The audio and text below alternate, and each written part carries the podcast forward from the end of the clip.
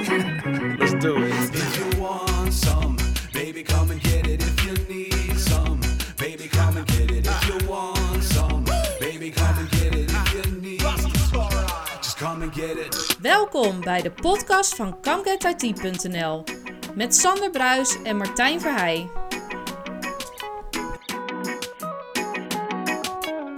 Aflevering 19 alweer van de Com Get IT podcast. Waar we het gaan hebben over Project Cortex, Sander. Ja, ja. Ik ben benieuwd. Nou, zeker, maar aflevering 19 alweer. We gaan, eh, we gaan lekker als een speer, jongen. Ja, we gaan- dat komt natuurlijk door die, al die extra afleveringen die we hebben gemaakt voor, eh, ten, ten behoeve van corona Ja. en de maatregelen Ja, tegen. ja, ja, ja, ja. Dankzij inderdaad. Ja, nou ja, op zich Ja. is het onderwerp van vandaag niet direct daarmee verbonden, maar het zou misschien Nou, wel we kunnen- pas kunnen komen. Maar eh, ik zou zeggen, laten we beginnen met gast. Ja, ik zou maar zeggen, want eh, hoe is onze gast door coronatijd doorgekomen? Albert-Jan, Appie, om het wel eh, precies te vertellen. Eh, Albert-Jan, hoe ben jij de coronatijd doorgekomen? Ja, ik heb eigenlijk, eigenlijk helemaal niet te klagen, jongens. Het is, het is thuiswerken, maar dat geldt denk ik voor iedereen. En goed, ik denk dat we allemaal ook wel een beetje geluk hebben. Als je in de IT werkt, is het wat makkelijker om thuis te werken dan bij een hoop andere beroepen. Dus ja, wat ik zeg, ik heb, ik heb echt niet te klagen. Het is, eh, het is nog steeds gewoon druk. Er is voldoende te doen. Eh, het enige nadeel is dat je, dat je wat minder reistijd hebt. En eh, ja, dat is in die zin wel een nadeel, want ik heb opeens allerlei moeite om al mijn podcasts die ik normaal eh, volg, om die bij te houden. Nou, Ja. dat, Ja. daar kunnen we. Herkennen wij ons Ja, in. daar herkennen we ons wel een beetje inderdaad. Dat is dan de, aan de andere kant dat we kijken naar luistercijfers. Dat we denken, goh, volgens mij zitten er Ja. de mensen in onze podcast in de auto te luisteren. Maar dat terzijde. Maar even voor jou, Albert-Jan Schot. Jij werkt voor Portiva. Eh, we hebben jou een tijd geleden alweer, voor de coronacrisis, een presentatie gegeven over Project Cortex. En daar, een, een, een- op die manier zijn we ook eh, eh, In aanraking precies met Ja. elkaar bekend Ja. geworden. Ehm, jij werkt voor Portiva, maar wat, vertel nog iets meer voor jezelf, even voor de luisteraar.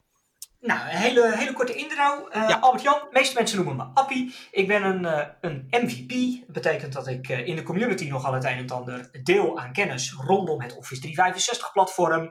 En ik, ik was voorheen werkzaam bij Mavention. Mavention en Portiva zijn nog niet zo heel lang geleden zijn die samengegaan. En vanuit die hoedanigheid ben ik ja, inmiddels ook alweer denk ik een jaar betrokken bij, bij Portiva. Portiva is een, een Nederlandse partner. Ja, wij doen veel met, met Office 365. En vanuit die rol eh, hebben wij een aantal dingen, of doen wij een aantal dingen met Project Cortex. En dat is ook waar je, waar je aan refereert. Ik heb daar, ik denk twee of drie maanden geleden alweer, Ja. ehm, een presentatie over gegeven. Wat is het, wat doet het en wat kun je ermee? En daar raakten we, ja, raakten we aan de klets. En kwamen we tot de conclusie dat het misschien wel eens leuk zou zijn om daar ook in een podcast wat meer over te vertellen. Precies. Nou, de trigger van het evenement was weer Maarten Ekels. Dus we hebben weer een gezamenlijke link. Want Ja. Maarten Ja. hebben wij ook een keer in de podcast gehad. Twee keer Dus, eh, zelfs. Al meerdere keren Drie keer zelfs. Kijk eens aan, kijk eens aan. Dus ik stap in zijn voetsporen. Ja, ja, ja, ja. ja. Ja. Dus, eh, Nou, je bent in ieder geval niet tweede keuze op dit onderwerp. nee, maar als je smeuïge verha- smeuïge verhalen hebt, dan... Nee hoor, nee, dat...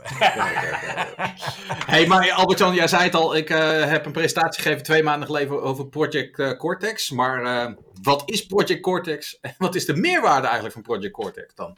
Kijk, kijk, gelijk met de deur in huis vallen. Precies. Ja, hoor. Ehm, ja, ja wat, wat is Project Cortex? Dat is natuurlijk een beetje, een beetje moeilijk om in, in één zin samen te vatten. Maar als je kijkt naar wat Microsoft vertelt, dan zegt Microsoft eigenlijk ehm, alles wat met knowledge management, kennisontwikkeling te maken heeft in Office 365, dat willen wij onderbrengen in Project Cortex. Nou, je ziet eh, in de wereld om ons heen dat er best wel een trend of een tendens is rondom artificial intelligence, machine learning. Eh, ja, dat, dat, dat is gewoon hip en happening. Maar wat betekent dat nou in de praktijk? Microsoft probeert dat te vertalen in de dienst rondom Office 365, waarin ze met slimme blokjes uit bijvoorbeeld het Azure-platform kennis willen kunnen identificeren in de data die jij opslaat in Office 365. En dan wordt het een en ander wordt daarvoor ingezet. Uiteindelijk komt daar een stukje, en dat noemen ze een knowledge entity uit. En zo'n knowledge entity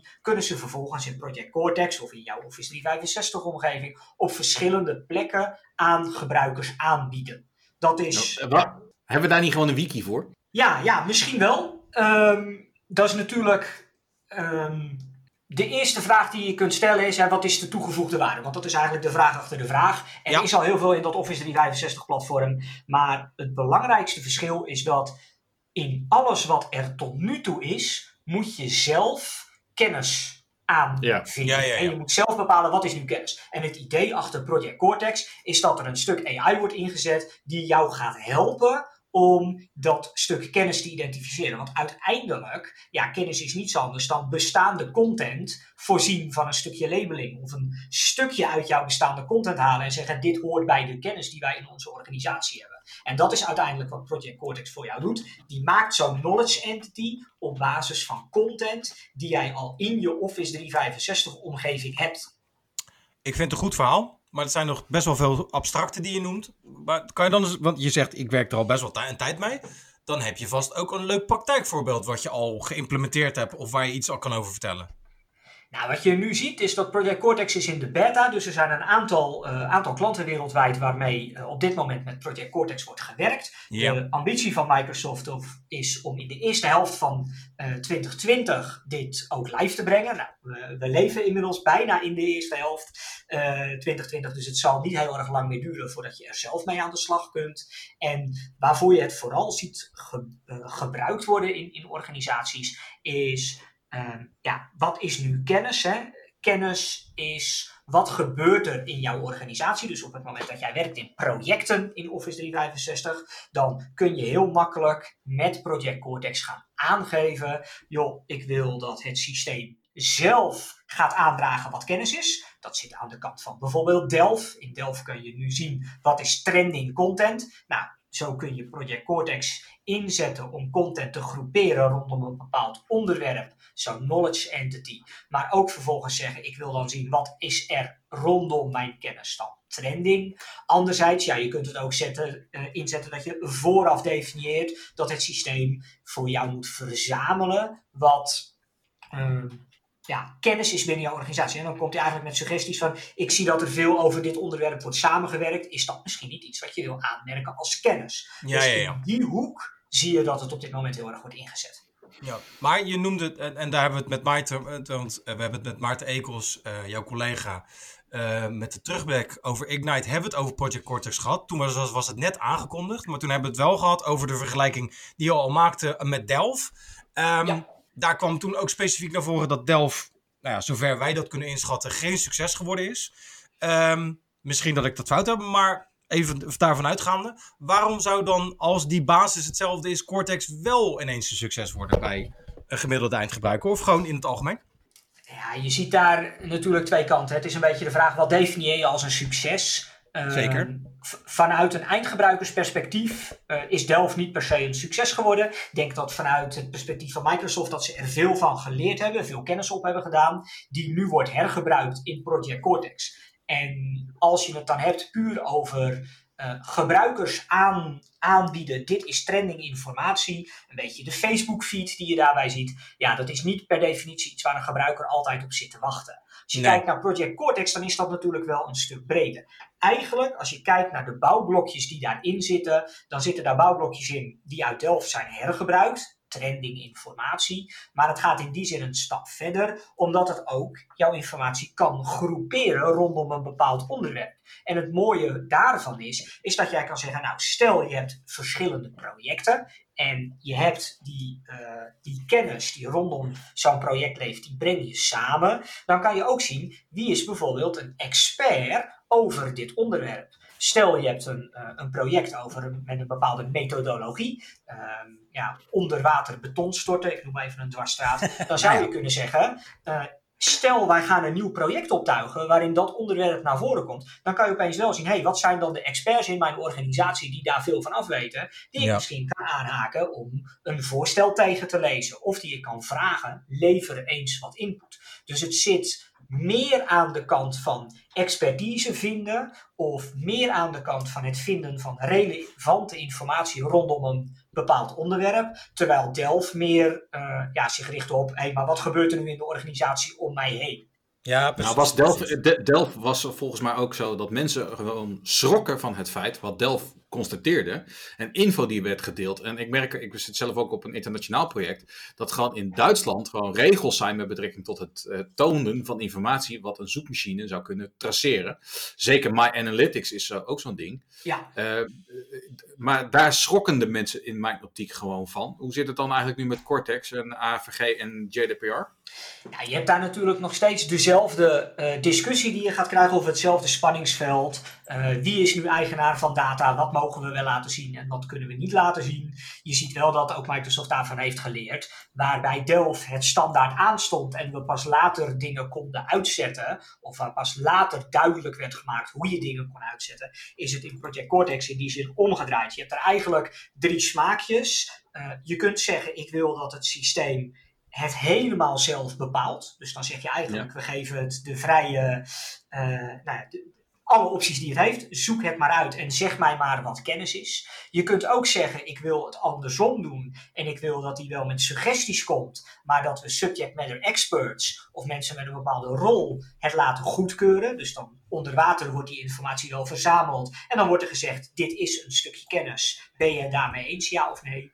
Uh, dan heb je dus een approval proces, om het maar uh, plat te slaan. Je kunt ook zeggen, ik wil dat het AI-systeem alleen maar kennis gaat aggregeren over onderwerpen die ik vooraf specificeer. Dus dan ben je zelf helemaal in controle. Nou, dat biedt, uh, voor zover wij nu kunnen inschatten, het, het, is nog niet live, maar dat zou in principe voldoende haakjes moeten bieden om ook AVG-compliant te kunnen zijn omdat je ook nog eens gebruik maakt van Office 365. Dus alle security controls die daarin zitten, waarbij je kunt zeggen: ik wil informatie uitsluiten van de zoek, of ik wil bepaalde rollen en rechten toekennen aan de informatie die ik heb, of bepaalde labels toekennen aan de informatie die ik heb. Ja, dat wordt wel meegenomen door het stuk project Cortex wat er is.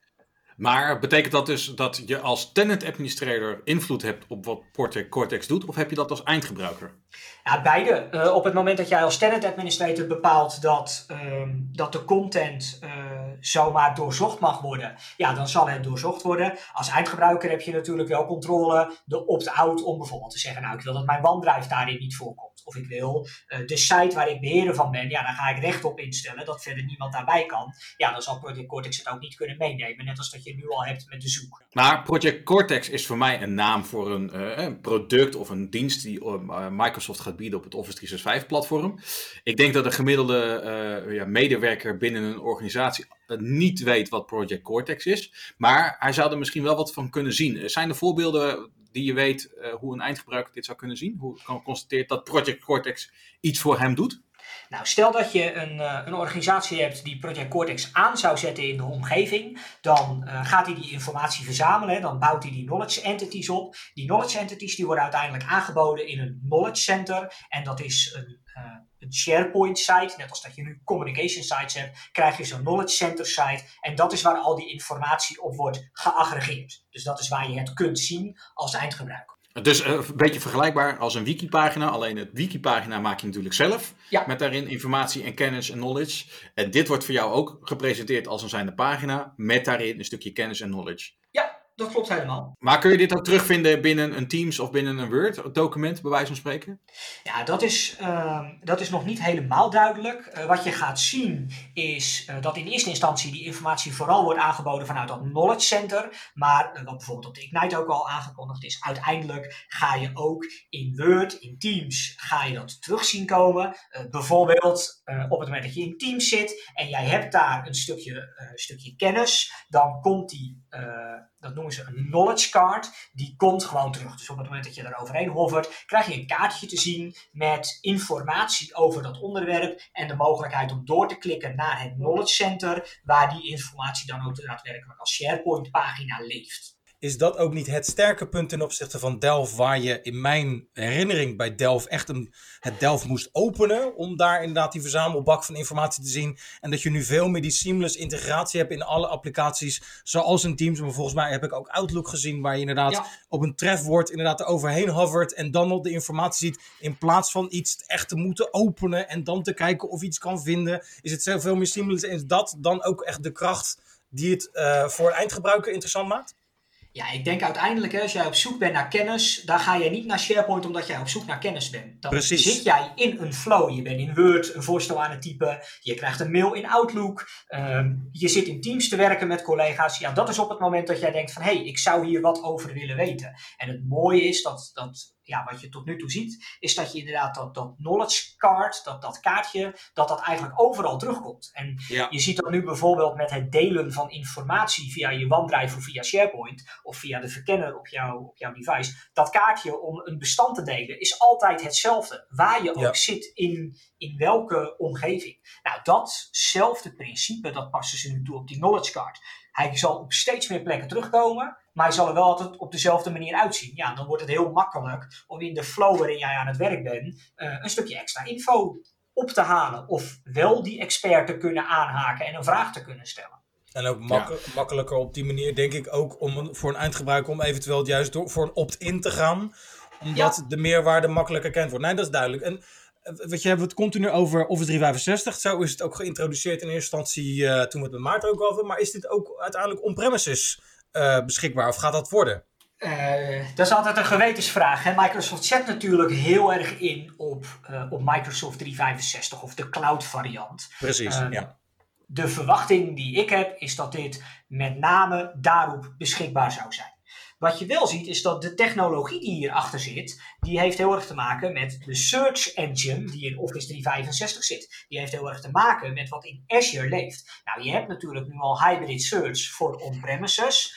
Ja. Ehm, ik durf geen uitspraken te doen over tijdlijnen en of het überhaupt ooit gaat gebeuren. Maar eh, ja, het zou niet heel gek zijn als er ooit nog eens wat gaat gebeuren met een hybride omgeving. En als dat niet zou gebeuren, ja, dan kun je natuurlijk de technologie die in Azure zit, hierachter wel zelf inzetten in je hybride search omgeving. Zodat je een gedeelte wellicht wel voor elkaar zou kunnen krijgen. ja. Als ik nou eh, een organisatie ben, of heb, of ik ben, eh, eh, en ik ben bezig met een mooi traject, eh, Office 365. Nou, dan kom je Delft tegen, dan wordt het al lastig uitleggen. Maar ehm, hoe gaan we nu, hoe kunnen we nou een echte organisatie goed uitleggen wat Delft voor hun betekent? Hè? En, de- en dan bedoel ik maar de receptionisten. Kunnen wij zeggen, ja, dit is handig, dit is leuk, dit is fantastisch, hè? want dat is vaak de 9 van de 10 keer de technische uitleg. Hoe pitchen we dit? Ik denk dat, ehm, dat je eigenlijk twee assen hebt om, eh, om dit over te pitchen. As 1 is, we zien de afgelopen jaren heel erg dat Microsoft heeft ingezet op metadata. En ja. het is natuurlijk heel moeilijk om aan een eindgebruiker uit te leggen. Je moet die 25 metadatavelden invullen, zodat we later die informatie terug kunnen vinden. Dat is gewoon niet uit te leggen. Dat, dat blijft Nee. moeilijk. Mm. En met iets als een Project Cortex kun je natuurlijk dingen doen als auto-tagging en auto-labeling. Waarmee je kunt zeggen, het AI-systeem gaat mij helpen om bepaalde tags toe te voegen aan de content. Nou, dat betekent dat een eindgebruiker minder hoeft in te vullen. En eenvoud, het, het makkelijker maken voor mensen om documenten op te slaan en met documenten te werken. Dus per definitie is dat goed uit te leggen. Anderzijds, er zit natuurlijk ook een stuk security in. Want op het moment dat je auto-tagging en auto-labeling kunt gaan doen, kun je ook autoclassificatie gaan doen. Hè? Documenten over bepaalde onderwerpen, vertrouwelijke projecten die je uitvoert, of documenten met een bepaalde security classificatie. Ja, het is wel heel prettig dat die goed beveiligd worden. Of dat je daar misschien wel extra dingen mee wil gaan doen, eh, extra informatie over wil loggen, om te voorkomen dat die informatie je organisatie verlaat. Ik denk dat dat eh, de twee belangrijkste de speerpunten gaan zijn eh, als het gaat om what's in it for me. En uiteindelijk wat je zegt, de seamless integratie, dat je overal makkelijk die kennis terug kunt vinden. Ja, dat gaat wel heel erg helpen in de adoptie van het gebruik. Dus je ziet dat mensen snel dingen kunnen vinden en niet meer zelf naar hoeven te zoeken. Dat gaat je wel helpen om je werk makkelijker te kunnen doen. Zeker weten. En als ik nou, eh, en als ik nou Project Cortex, hè, dat komt op een gegeven moment een keer beschikbaar. Maar zou ik nu al als organisatie kunnen nadenken hoe ik met mijn SharePoint data moet omgaan om straks, nou ja, Project Cortex heel makkelijk aan te kunnen zetten of uit te kunnen zetten? Ja, wat zou je nu al kunnen doen? Ehm, kijk, uiteindelijk Project Cortex gebruikt in principe als basis altijd de Microsoft Search Index. Dus alles wat jij inricht om goed gebruik te kunnen maken van jouw Search Index, die gaat je natuurlijk helpen. Ehm, Project Cortex gaat net als Delft ook informatie zichtbaar maken. Dus op het moment dat je nu zegt, ja, ik heb heel veel moeite gedaan om Delft uit te zetten, dan zou je nu ook moeten nadenken, ja, is Project Cortex dan wel voor mij geschikt? En als dat zo is, ja, dat betekent dat we misschien moeten nadenken dat het aangezet moet worden. En dat er misschien wel bepaalde dingen zijn die we willen uitsluiten. Uh, bepaalde woorden, uh, bepaalde uh, sites, bepaalde projectsites waarop vertrouwelijke data staat. Ja, dat zijn dingen, daar kan je nu natuurlijk al heel goed over nadenken.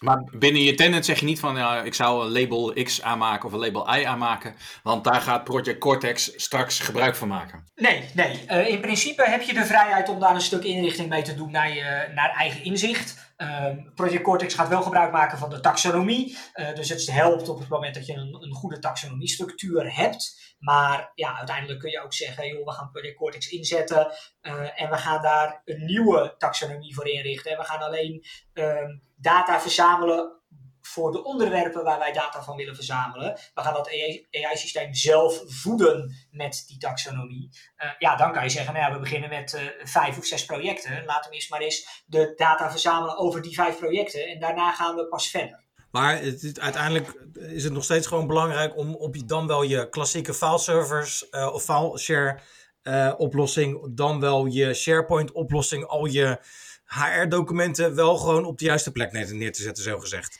Ja, kijk, het staat of valt natuurlijk in die zin met gewoon een, een tenant-inrichting waar je ook mee verder kan. Dus op het moment ja. dat je zegt, ik heb nog file shares, ja, dan gaat Project Cortex niks mee doen. Werk nee. jij al met Teams en SharePoint en heb jij daar al een goede rechtenstructuur ingericht? Werk jij al, uh, heb je vergaderingen via Teams? Heb je uh, je documenten opgeslagen in SharePoint? En uh, heb jij een profiel in Office 365? Ja, dan heb je de basis in principe al op orde. Maar wordt voor Project Cortex in de bestaande architectuur gewoon gebruik gemaakt van de bestaande middelen? Of wordt er al een heel nieuw stuk voor opgebouwd, voor zover jij weet? Want die search engine kennen we. Ja, nou in principe, als je kijkt naar uh, wat er allemaal is, dan heb je aan de ene kant alles wat in Office 365 zit, dat wordt meegenomen. Dus de, de relaties worden gelegd tussen personen en bestanden. Daaruit wordt een stuk uh, geaggregeerd. Dat zijn die, die knowledge entities. Die knowledge entities die worden aangemaakt in de, uh, in de term store. Wat wel nieuw is, is dat er een nieuwe, moderne weergave komt van de term store. Dus die krijgt eigenlijk gewoon een, een update, een nieuw jasje. Nou, dat is heel erg prettig. Uh, ja. Daar komen ook wat voor ontwikkelaars nieuwe dingen bij aan de kant om er tegenaan te programmeren. Ook iets waar denk ik veel mensen op zitten te wachten. Wat wel helemaal nieuw is, dat is een stuk uh, dat komt uit Azure. En dat zijn eigenlijk de Azure AI-diensten. Die zijn er nu al, maar die worden nu allemaal bij elkaar gebracht in dat Project Cortex. Dus dan praat je over uh, image recognition, waarbij uh, het systeem gaat vertellen, nou, dit staat op een plaatje. Dat zit voor een stuk ook al in moderne SharePoint. Als je nu een bordetje uploadt, dan gaat hij daar al proberen de tekst uit te halen. Dat wordt allemaal gewoon wel weer een stap verder gebracht. En ja, als je dan gaat kijken, waar zitten dan echt de nieuwe dingen? Die zitten heel erg aan het aanzetten van Azure componenten voor jouw uh, Office 365 omgeving. En als we dan kijken naar de toekomst, want um, kijk, je, zegt het zelf al, het is natuurlijk gebaseerd of maakt heel erg gebruik van AI. Um, in het gesprek wat we met Maarten Eekels hebben gehad, noemde hij het een evolutie van Delft. En het is, we gaan een klein beetje de filosofische, kant op wat dat betreft. Maar wat zou een eventuele uh, evolutie van Cortex zijn? Of welke stip op de horizon qua AI gaan we, zover jij dat kan inschatten, waar gaan we naartoe, denk je? Ja, wat je nu heel erg ziet gebeuren is dat, dat AI um, steeds beter wordt in het aandragen van die suggesties. Het is natuurlijk heel fijn dat op het moment dat jij samenwerkt in die bak van Microsoft, in, dat, uh, in die Office 365 omgeving, dat die tegen jou gaat vertellen, joh, wij denken dat deze dingen bij elkaar horen en dat dit ja. uh, mensen zijn die daar verstand van hebben. Nou, wat Microsoft nu doet, die brengt dat als product uh, naar de markt in de vorm van Project Cortex. En wat je daar gaat zien is, ik denk dat grote organisaties na gaan denken over eigen AI-modellen. Omdat Microsoft die kan natuurlijk nooit de expertise bieden. Bijvoorbeeld, zeg even, bouwbedrijven. Ja, die hebben een eigen thesaurus, een eigen ja. terminologie. Dus wat ik denk 100%. dat er gaat gebeuren, ja. is ja. dat Microsoft voor een aantal verticals daar suggesties voor gaat doen, jou gaat helpen. En dat tegelijkertijd uh, verschillende organisaties ook met elkaar gaan nadenken, of juist zelf gaan nadenken als ze groot genoeg zijn, om daar eigen AI-modellen tegenaan te zetten. Dat zou een hele logische vervolgstap zijn. Ja, of customization denk ik. Want in principe kan een commando of een type, hè, laat me iets noemen, eh, dat je gaat zoeken of gebruik gaat maken van het commando VoIP, kan voor de ene organisatie iets heel anders betekenen. Ja. Ja, Als nou, voor de het andere mooie is dat omdat die dingen in Azure zitten, dat je ook de mogelijkheid gaat krijgen om daar eigen modellen aan eh, ja, of op toe te passen. Of modellen die er standaard zijn, om die te gaan verrijken. Dus je zult zien dat de eerste versie, hè, net als Delphi, je krijgt, eh, je krijgt het doosje van Microsoft en je mag er zelf nog niet zoveel aan aanpassen. Maar ja, naar de toekomst toe ga je daar ook wel weer steeds meer vrijheid in krijgen en steeds meer mogelijkheden om Precies. zelf dat te verrijken. Ja, dan komt de po- PowerShell en Juist. daarna komt pas de GUI. Juist. Maar eh, ik snap wat je bedoelt. Microsoft legt hiermee dus een heel breed fundament waar uiteindelijk zelf nou ja, mensen, organisaties hun eigen pilaren op kunnen gaan zetten. Juist, kijk, je moet je voorstellen dat een AI-model. ehm, AI bestaat natuurlijk al sinds de jaren 80, of de Ja. jaren 70 misschien zelfs wel. Ehm, vroeger was het een hele set met if-else's. Ehm, Ja. Dat wordt steeds slimmer met algoritmes. En eh, ja, nu doen we alsof dat een heel nieuw, nieuw vakgebied is. Eigenlijk zijn we nu gewoon een stap verder in, in wat we qua hardware tot onze beschikking hebben. Ehm, wat je zult zien is dat het steeds makkelijker wordt om zelf met AI-modellen aan de slag te gaan. En nou ja, je ziet het eh, in Project Cortex biedt Microsoft en dat noemen ze de AI-builder. Ja, dan wordt het mogelijk om eh, een grote set met documenten in een SharePoint-bibliotheek eh, te uploaden en daar een model op toe te passen, dat die op basis van een template kan zeggen, nou, ik haal uit zo'n document, haal ik altijd de titel. En die titel, daar ga ik metadata van maken. Omdat Ja, ik weet ja. dat er altijd een schutblad voor zit. Ik ga bijvoorbeeld de auteur ophalen, omdat dat ook in het schutblad staat. Of als het offertes zijn of facturen, ja, dan kan ik het totaalbedrag en de datum eruit halen. En hoe kan die dat doen? Nou, wat je doet is je traint eigenlijk zo'n neural network. En waar je vroeger echt een data scientist, een, een engineer nodig had om dat helemaal uit te programmeren, komt dat nu gewoon in een GUI naar een eindgebruiker toe. Dus als jij een afdeling hebt die zegt, hè, wij, eh, eh, goed, Microsoft had het op de Ignite als voorbeeld, maar we hebben, eh, stel we hebben een bak met 500 gig aan oude facturen, maar eh, ja, dat is ooit op een fileshare ingescand, we kunnen er niks meer mee. Kun je nu Nee. opeens zeggen, nou ja, we gaan dat gewoon in SharePoint opslaan en we laten dat AI-model, laten we al die metadata eruit trekken. En dan kun je opeens allerlei mooie dwarsdoorsneden en weergaves gaan maken met data die je toch eigenlijk al had, maar waar je niks meer mee deed. En zo kun je op die manier dus er controle op, over, op uitoefenen en je eigen smaak eraan aangeven. Juist. Ik ben, eh, ik ben enthousiast, alleen nou ben ik zo enthousiast. Als ik het aan wil zetten, kan ik gewoon een vinkje aanzetten bij Microsoft? Knaken. Of eh, moet je Knaken. een bepaalde licentie hebben? Of eh moeten de knaken Het is op dit moment worden? is het alleen nog maar in private preview. Dus Ah, mocht je ja. het willen gebruiken, dan moet je nog eventjes wachten. Of je aanmelden voor de private preview. Op het moment dat het live gaat, dan zal er wat meer duidelijkheid zijn over het exacte licentiemodel. Microsoft heeft wel aangegeven dat het, ja, het komt niet bij de E3-licentie. Het is nog niet helemaal duidelijk of het in een E5-licentie gaat komen. Maar ik denk dat je het beste kunt vergelijken met bijvoorbeeld eh, de Power Apps eh, licentie die je hebt. Of de, de, de Power Platform licentie heet die tegenwoordig. Dat je een extra licentie moet aanschaffen om hier gebruik van te maken. En het is nog niet helemaal duidelijk of je dan die extra licentie nodig hebt voor iedereen in je hele tenant. Of dat je bijvoorbeeld kunt zeggen, nou ik heb die alleen nodig voor de subject matter experts die hiermee aan de slag gaan. Eh, en ja, de rest van de organisatie heeft hem niet nodig. Maar het is dus wel een extra licentie. Duidelijk. Kijken we nog heel even terug naar het, onderwerp privacy. We hebben het al uitgebreid over gehad. Maar wat zijn wat jou betreft nou nog echt de specifieke aandachtspunten of hoofdpunten op privacygebied als we het over Project Cortex hebben? Nou, eigenlijk het belangrijkste wat je ziet is dat Microsoft goed heeft gekeken naar eh, waar er rondom Delphi veel commentaar op kwam. En dat is dat je nu eigenlijk op voorhand de mogelijkheid hebt om of te kiezen dat je voor een scenario gaat waarin je alleen aangeeft wat wel in, eh, door Project Cortex mag komen. Dus zeg even, ik ga alleen toestaan een bepaalde subset van sites die gecrawled gaan worden. Of bijvoorbeeld een bepaald type sites. Dat je zegt, ik wil alleen mijn projectsites laten eh, doornemen door Project Cortex. Of een ander model waarbij je zegt, nou standaard mag alles wel, maar ik ga bepaalde sites ga ik uitsluiten. Denk aan eh, sites van een, een MT-team of denk Ja, aan sites over een reorganisatie. Hè. Dat wil je misschien niet laten indexeren. Dat zit aan het in- of uitsluiten.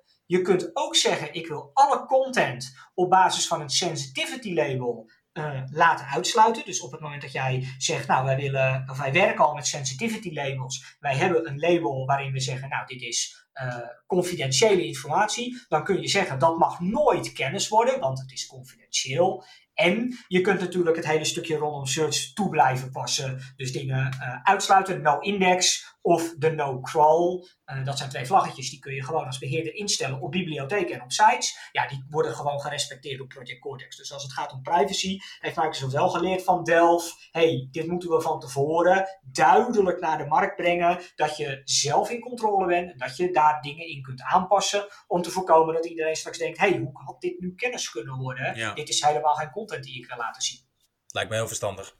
En moet je nou rocket science geleerd zijn om uh, Delphi, of sorry, om uh, Project Cortex aan te kunnen zetten of te kunnen activeren, dus los van die licentie. Maar hoe zijn de beheersmogelijkheden met betrekking tot? Ja, wat je ziet is, uh, het aanzetten is aan zich heel erg makkelijk. Dus je schaft de licentie aan en dan ben je in principe klaar. waar je wel eventjes over na moet denken is over, ja, wat doen we nu met kennis? Wie mag nu bepalen wat kennis wordt? Omdat je daar de mogelijkheid hebt om te zeggen, ik wil dat kennis gegenereerd wordt door Project Cortex of ik wil dat daar subject matter experts bij betrokken zijn. En dan heb je dus de mogelijkheid om te zeggen, nou ik wil dat de dingen worden goedgekeurd.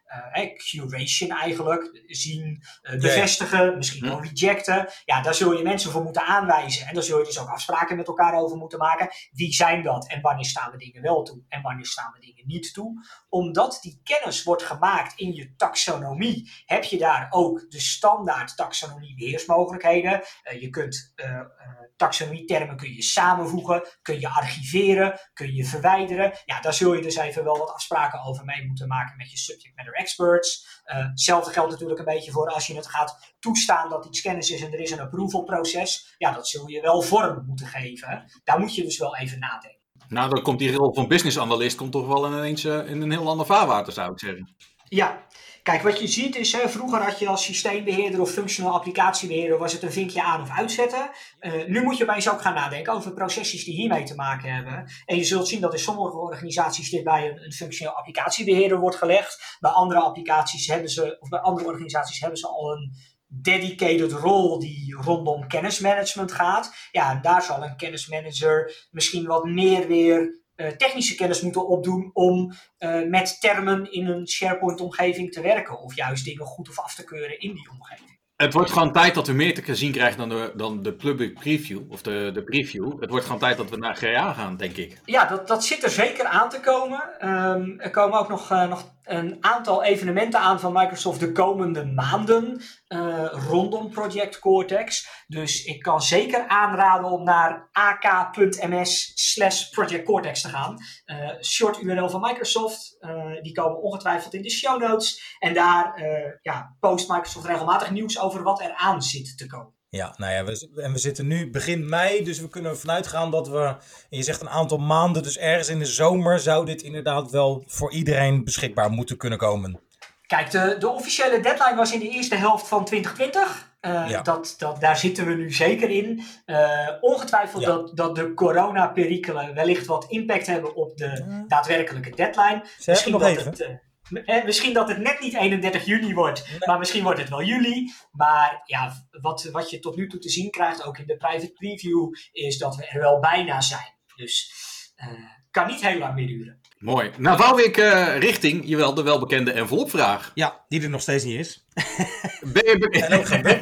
Nee, het, het, uh, en ook nog geen. Misschien dat jij dat weet, Albert-Jan, maar normaal gesproken, nou ja, de luisteraar heeft het al zo vaak gehoord. Dus, maar ik ga het nog een keer zeggen, de, als we bij elkaar zaten, de drie enveloppen met drie prikkende vragen. Nou, dat, dat principe is natuurlijk wat lastiger nu we allemaal op, uh, op, uh, op locatie zitten of thuis aan het werk zijn. Dus heb ik alleen altijd de standaard slotvraag. Uh, en die is in dit geval, stel dat dit geen succes wordt. Laat Microsoft dit dan voor goed vallen? Of is dit al zo ingeweven in de, in de infrastructuur dat het eigenlijk niet weg kan gaan? Uh, waar Microsoft bijvoorbeeld met andere technologieën of met andere dingen waar ze mee bezig zijn, het gewoon heel makkelijk hebben laten vallen. Lijkt me dat nu lastiger? Of hoe zie jij dat? Um, ja, ik kan natuurlijk niet in de koker van Microsoft kijken. Maar als je bijvoorbeeld kijkt naar Delphi, daar in die zin zijn ze niet helemaal mee gestopt. Maar ze doen daar ook niet heel veel ontwikkeling meer op door. Maar dan zie je wel dat Delphi heeft geleid of aan de, aan de geboorte van een Project Cortex heeft gestaan. Dus ik denk wel dat dit een onderwerp is wat nu heel hip en happening is. En wat we de komende jaren nog wel gaan horen. Maar ook hier zal je op termijn zien dat eh, er ongetwijfeld een andere naam of een evolutie van zal zijn. Ehm, ja, ik geloof Ja. niet dat een onderwerp als kennisontwikkeling ooit gaat stoppen. Want dat is gewoon een heel belangrijk onderwerp voor veel organisaties. Dat we straks misschien andere technologieën in gaan zetten om dat naar het volgende niveau te tillen, zeker. Maar wat mij betreft gaat dit nog wel even mee. Precies. Nou, Goed. Albert-Jan, ik wil jou ontzettend bedanken voor je tijd. ja, ik vond het een heel leuk gesprek. Ja, heel erg bedankt voor de uitnodiging. Ja, graag gedaan. Ja. We hebben weer veel bijgeleerd over Project Cortex. Ja, en ik kan inmiddels niet meer wachten om inderdaad nu echt eens een keertje het echt in de, in de praktijk te zien. Ja, zeker. Ik tel, ik tel de dagen ook af tot het live gaat, jongens. We zien de eerste virtuele aankondiging wel voorbij komen. Precies, we houden het in de gaten Zeker. inderdaad, ja. Hey Albert-Jan, waar kunnen we meer informatie over jou terugvinden? Mochten mensen geïnteresseerd zijn in Project Cortex, maar ook in jou als persoon? Oeh, als je geïnteresseerd bent in mij, ik ben vrij actief op Twitter, Appie Schot. En ik heb een blog, eh www.cloudappie.nl, eh, waarop ik probeer te bloggen over eh, de dingen die mij dagelijks bezighouden. Ik denk dat dat, eh, dat dat de socials zijn waar ik meest op actief ben. Wil je met me linken? Ik zit ook op LinkedIn. Eh, mag natuurlijk ook altijd. Gaan we zeker Kijk, doen. kijk, kijk.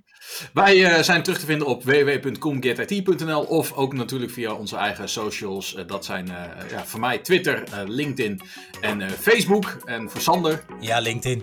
Nou, en ik zou zeggen, tot de volgende. Bedankt voor het luisteren naar de podcast van CamGetIT.nl. Wil je meer weten? Heb je vragen, suggesties of opmerkingen? Bezoek dan onze website www.camgetit.nl. If you want some, baby, come and get it. If you need some, baby, come and get it. If you want some, baby, come and get it. If you need